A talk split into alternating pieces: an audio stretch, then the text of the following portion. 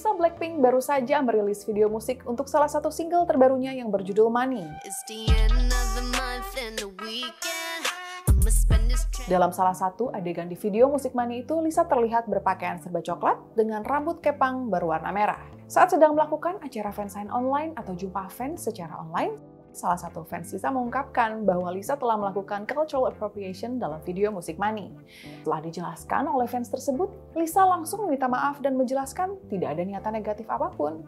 Lisa menganggap penggunaan gaya rambut kepang itu sangat cocok dengan konsep lagu dan video musik Money itu sendiri. Jadi benarkah Lisa telah melakukan cultural appropriation dalam video musik itu?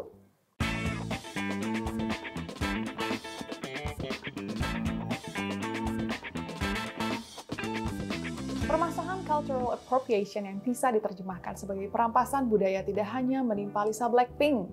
Sebelumnya, sejumlah selebriti tanah air seperti Agnes Mo dan Nagita Slavina juga pernah dituding melakukan cultural appropriation.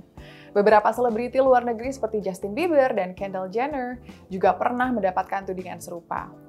Cultural appropriation atau perampasan budaya pada umumnya diartikan sebagai kondisi di mana seseorang atau sekelompok orang yang berasal dari kelompok sosial yang dominan dalam suatu masyarakat menggunakan atau mengadaptasi budaya dari kelompok sosial yang tidak dominan atau minoritas untuk mendapatkan profit atau keuntungan finansial dari situ.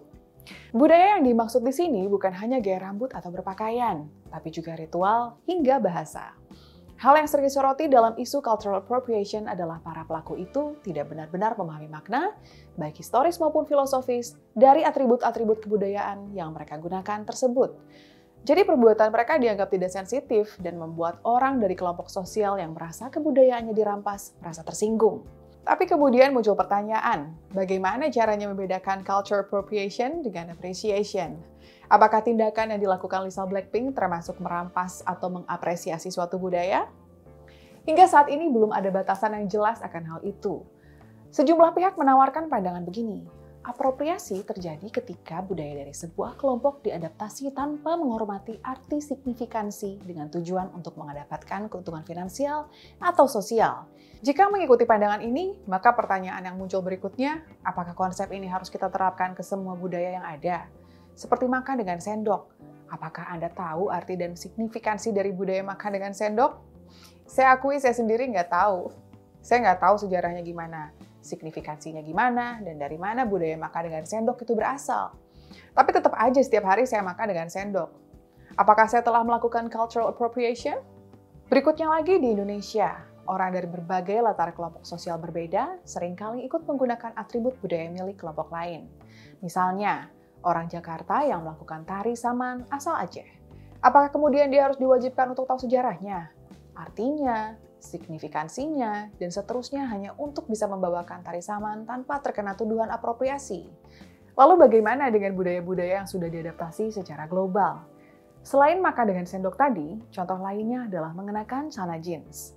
Apakah semua produsen dan pedagang celana jeans yang ada di Tanah Abang atau ITC itu harus tahu sejarah, arti, signifikansi dari celana jeans supaya nggak disebut apropriasi. Konsep seperti ini saya rasa selain definisinya tidak jelas, juga kebermanfaatannya sangat minim. Kalau yang dipersoalkan adalah sikap tidak menghargai atau sikap merendahkan kelompok minoritas, ya ayo kita selesaikan urusan itu. Bukan menambah-nambah masalah baru yang tidak perlu. Awalnya wacana cultural appropriation ini datang dari Amerika. Mungkin relevan dengan konteks konflik sosial antara kelompok kulit putih dan non-kulit putih yang ada di sana. Tapi apakah Lisa Blackpink yang grupnya berasal dari Korsel ada urusannya dengan itu? Apakah dia punya konteks di mana identitas sosialnya berasal dari kelompok dominan dan dia mengenakan atribut budaya kelompok kulit hitam yang minoritas? Ya jelas enggak. Beda dengan identitas kulit putih di Amerika. Yang memang punya konteks sosial di mana mereka posisinya sebagai kelompok yang dominan dan identitas kulit hitam adalah kelompok minoritas atau kelompok marginalnya. Selain itu, dalam video musiknya, Lisa juga sama sekali tidak terlihat menghina atau merendahkan atribut budaya rambut kepang yang dia pakai. Sampai sini, saya belum bisa betul-betul memahami konsep cultural appropriation ini sebetulnya definisi dan fungsinya apa. Repotnya lagi, ada juga yang bilang kita harus bayar royalti kalau mau mengenakan atribut budaya suatu kelompok. Nah, kalau gitu pertanyaannya, kita semua yang makan pakai sendok, garpu, atau sumpit ini harus bayar royalti ke mana atau ke siapa? Segitu dulu ya pembahasan kita di episode kali ini. Jika Anda punya pendapat tentang isu ini, di bawah ini ada kolom komentar yang senantiasa terbuka sebagai tempat diskusi bersama. Silahkan sampaikan pandangan Anda di sana ya. Jangan lupa like dan share videonya kalau dianggap bermanfaat. Terus juga subscribe channel GeoLive dan nyalain lonceng notifikasi supaya nggak ketinggalan episode selanjutnya.